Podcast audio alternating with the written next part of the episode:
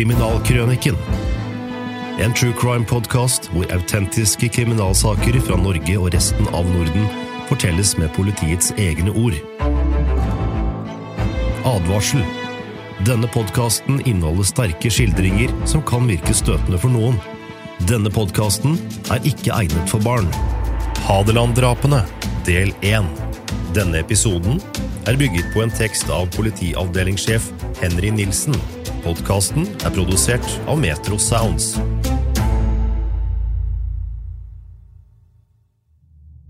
Et av de mørkeste kapitler i norsk kriminalhistorie ble skrevet en vinternatt på en øde skogsbilvei på Hadeland, et vakkert skogs- og jordbruksdistrikt ca. fem mil nordvest for Oslo. To unggutter på 18 og 20 år foretok her en regulær likvidering av to andre gutter på 23 år. Bakgrunnen var ekstrem politisk fanatisme og våpengalskap. Navnet Hadeland har fått en ufortjent bitter bismak etter hendelsen som satte en støkk i den norske befolkningen.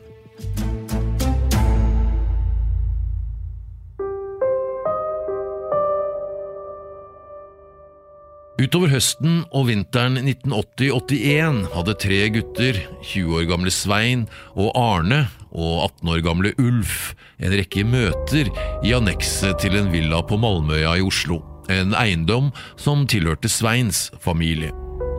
De hadde forskjellig bakgrunn og utdannelse. Svein var sersjant i Forsvaret, Arne var skoleelev, og Ulf var ekspeditør i en rørleggerforretning. Både Svein og Arne kom fra familier med nazitilknytning, mens Ulf kom fra en ytterliggående konservativ familie. Verken Svein eller Arne hadde tidligere vært straffet, mens Ulf var straffet for både ran og grove tyverier. Hvordan disse tre ungdommene hadde funnet hverandre, er en lang historie, men årsaken er klar. De var alle våpengale, var på kant med samfunnet og hadde ekstreme politiske synspunkter. Møtene og diskusjonene under møtet førte til dannelsen av en organisasjon som de kalte Norges germanske armé. Det ble ikke skrevet lover eller statutter, alt baserte seg på muntlige avtaler. Svein var den selvskrevne leder i kraft av intelligens og utmerkede talegaver. Arne var nestleder og Ulf aksjonsleder. I senere politi- og rettserklæringer viste det seg at de tre hadde noe forskjellige oppfatninger av organisasjonen. Svein prøvde å bagatellisere det hele. Arne, som følte seg undertrykt av Svein, som opptrådde som føreren og hadde et bilde av Hitler i annekset, hadde en annen oppfatning. Norges germanske armé under Sveins ledelse skulle ikke bare overta makten i Norge, men også i resten av Europa. De skulle renske opp i Norge og deretter i Europa. Med dette mente han annet at alle fremmedarbeidere skulle ut. Ulf konkretiserte organisasjonens målsetning i ti punkter. Gitt troen tilbake til mennesket, hindre våpeneksport til u-land, hindre fremmedarbeideres makt i Norge og Europa og hindre deres organisasjoner i Norge. Hindre all kommunisme, Norge for hvite, bygge opp landet sosialt, bort med byråkratiet, mer disiplin i landet og Forsvaret, hindre all narkotikavirksomhet. Den hvite rase som er født i Europa, skal ha førsteretten til alt og skal bestå og overleve.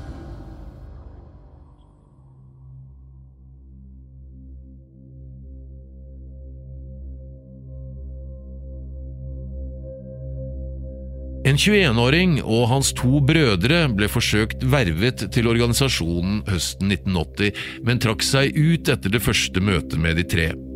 Han ga senere, i rettslig forklaring, uttrykk for at både han og brødrene ble skremt. På møtet ble det servert brus og kaker, og det ble demonstrert våpen, AG3-gevær og Luger-pistol. Svein førte ordet. Fremmedarbeidere skulle bekjempes. Det skulle gjøres med våpen i hånd, om nødvendig. Det ble også gjort klart at var man først kommet inn i organisasjonen, var det ingen vei tilbake. Hvis man trakk seg ut, skulle man likvideres. De to brødrene, Arne og Ulf, bifalt alt Svein sa. Hadde denne virksomheten deres blitt avslørt i tide, ville det kanskje ikke blitt tatt på alvor. Utviklingen skulle imidlertid vise at organisasjonens virksomhet innen kort tid skulle føre til de mest tragiske hendelser for fem ungdommer og fem familier. Det skjedde lite i organisasjonen utover høsten 1980 og på nyåret 1981. Det ble bare med sporadiske møter og ideologisk prat, vesentlig fra Sveins side.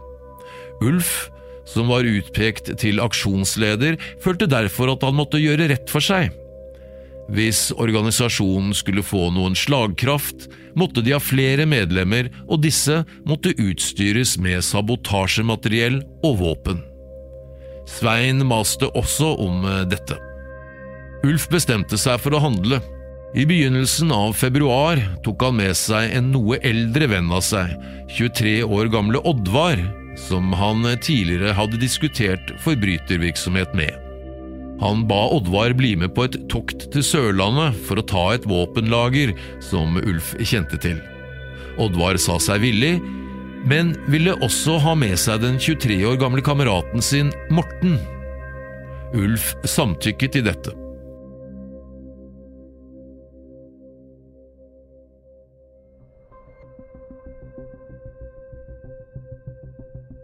Oddvar hadde fått i oppdrag å leie bil. Han hadde skaffet en Masta 929 stasjonsvogn fra et bilutleiefirma fredag 6. februar. Bilen ble leid for en helg og for Ulfs penger. Samme ettermiddag reiste de tre innom et par forretninger i Oslo sentrum. De kjøpte boltekutter, brekkjern, lommelykt og baufilblader. Våpenlageret Ulf kjente til, lå ved Mandal, og samme kveld kjørte de tre sørover. De hadde passert Kristiansand på vei mot Mandal da de kom forbi et sted der det foregikk veiarbeid. Kanskje fantes det sprengstoff på stedet? Kameratene kjørte inn på en sidevei og tok seg frem til to brakker. Hengelåsene til brakkedørene ble klippet over, og i den ene brakka fant de fem dynamittkasser. Ved hjelp av boltekutteren og brekkjernet fikk de åpnet kassene og fant i alt 50 kilo dynamitt og en bærepose med fengheter. Nå var bilen full av sprengstoff, så de bestemte seg for å vende tilbake til Oslo med en gang, uten å ta seg frem til våpenlageret.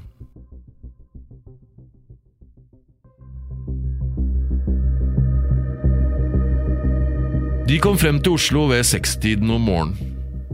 Ulf ringer straks til Svein fra en kiosk og fortalte at han hadde skaffet sprengstoff. Deretter kjørte alle tre ut til Malmøya, hvor Svein tok imot sprengstoffet og lagret det i annekset.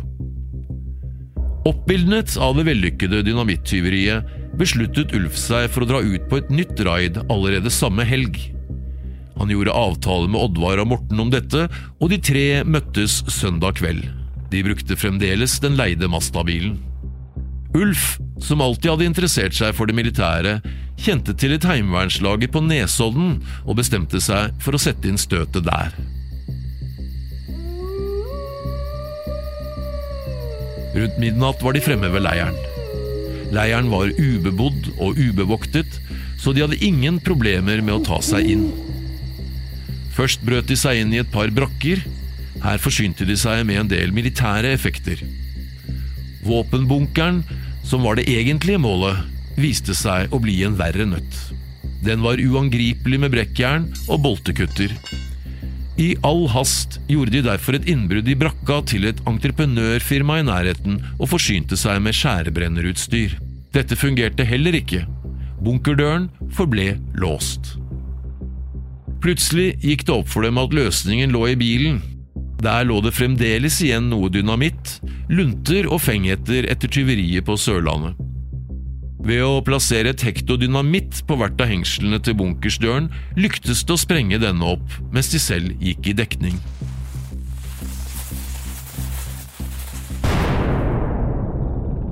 Fra bunkeren tok de 43 AG3-geværer, en Schmeisser maskinpistol og et Krag Jørgensen-gevær. Samme natt ble våpnene og det øvrige tyvegodset kjørt til annekset på Malmøya, hvor Svein villig tok imot og lagret det sammen med utbytte fra sørlandsraidet. Oddvar og Morten ble lovet 15 000–20 000 kroner hver for sin medvirkning i de vellykkede tyveritoktene.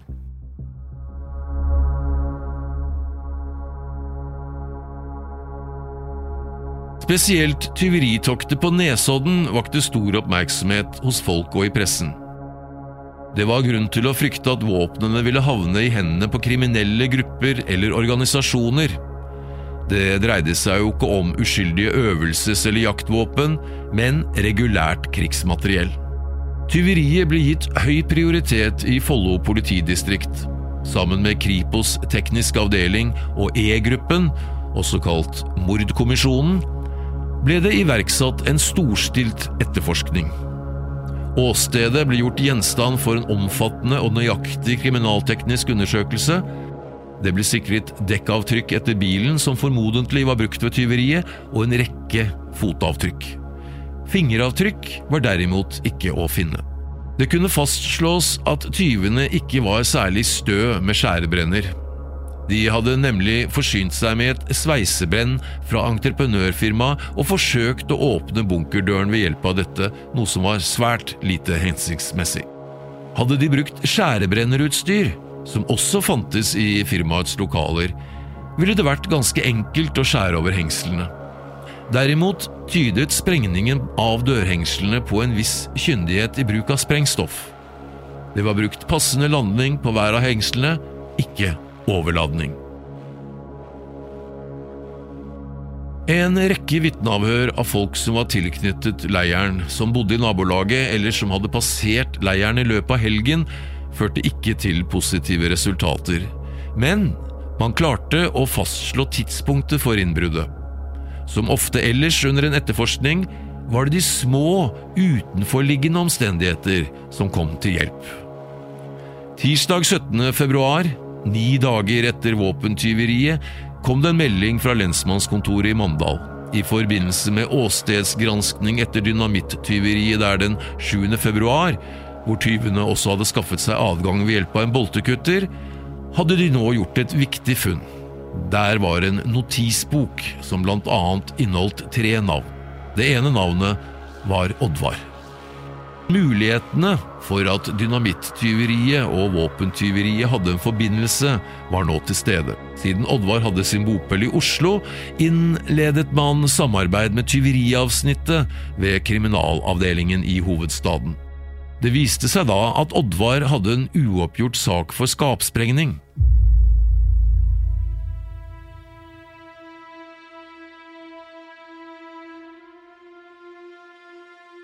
Under påskudd om at det var enkelte forhold i saken om pengeskapsåpningen som var uklare, ble Oddvar innkalt til kriminalavdelingen onsdag den 18. februar.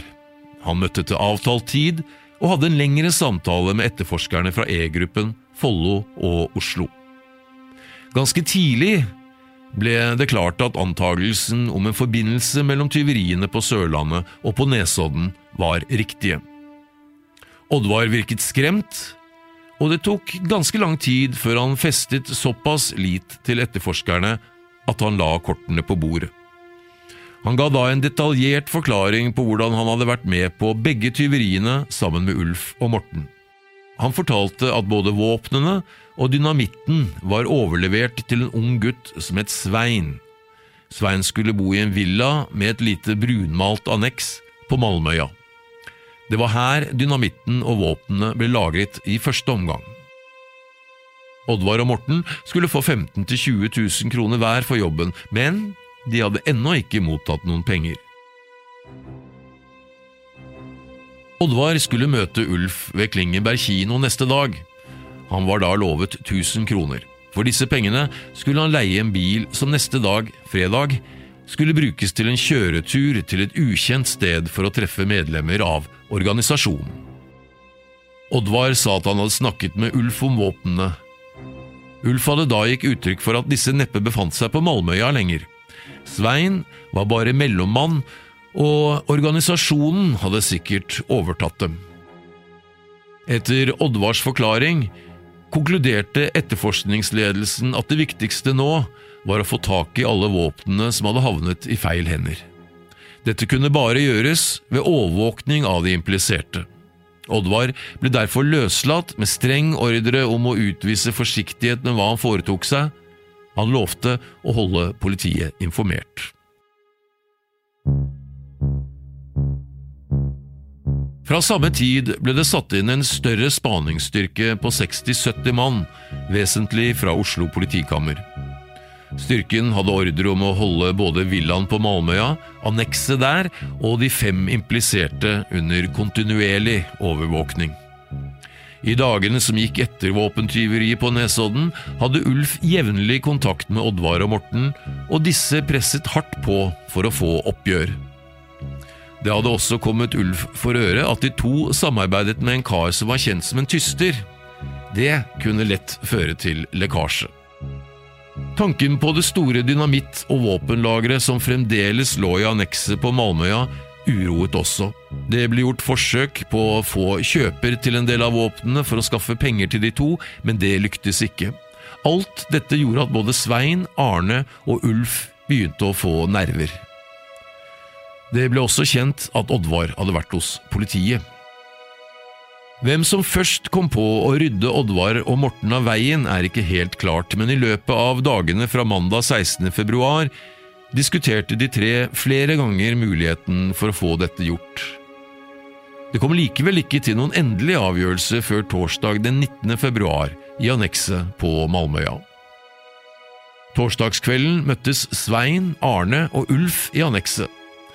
Det var nå det ble endelig bestemt at Oddvar og Morten måtte ryddes av veien. Spørsmålet var bare på hvilken måte det skulle skje. Svein mente at de burde skytes og graves ned, men det var problemer med tele i jorden på denne årstiden. Arne ville skyte dem, skjære av dem hendene for å hindre identifisering og dumpe likene i sjøen. Også andre groteske drapsmetoder ble drøftet. Ingen kom med sterke motforestillinger mot å ta livet av de to jevnaldrende.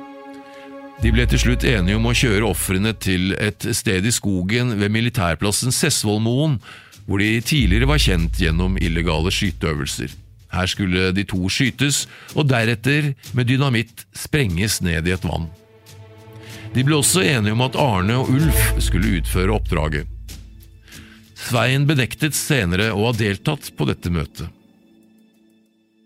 Etter at det var klart at drapet på de to skulle gjennomføres, tok Ulf kontakt med Oddvar og ba ham om å leie en bil på lørdagen. De skulle da kjøre til et sted nord for Oslo, hvor de skulle ordne med oppgjøret for våpnene. Oddvar skulle ta med seg Morten og møte Ulf hjemme hos ham rundt klokken ni om kvelden. Lørdag leide Oddvar en Masta personbil, som han var bedt om, fikk med seg Morten, og til avtalt tid møtte de Ulf ved hans bopel. Ulf var da utstyrt med en 7,65-kalibret pistol. Ved et nærmere avtalt sted på Mosseveien, ved avkjøringen til Malmøya, plukket de opp Arne, som under yttertøyet hadde skjult en Schmeisser maskinpistol, fire dynamittgubber og en lunte. Så gikk turen nordover og ut av Oslo, for Oddvar og Bortens vedkommende for siste gang. Hva Ulf selv fortalte om det som skjedde videre, får du vite i andre og siste del av dobbeltdrapene på Hadeland. Du har hørt Hadeland-drapene del 1. Denne episoden er bygget på en tekst av politiavdelingssjef Henry Nilsen. Forteller var Hans Olav Tyvold. Produsenter var Marianne Moe og Troy Langås. Følg Kriminalkrøniken på Instagram.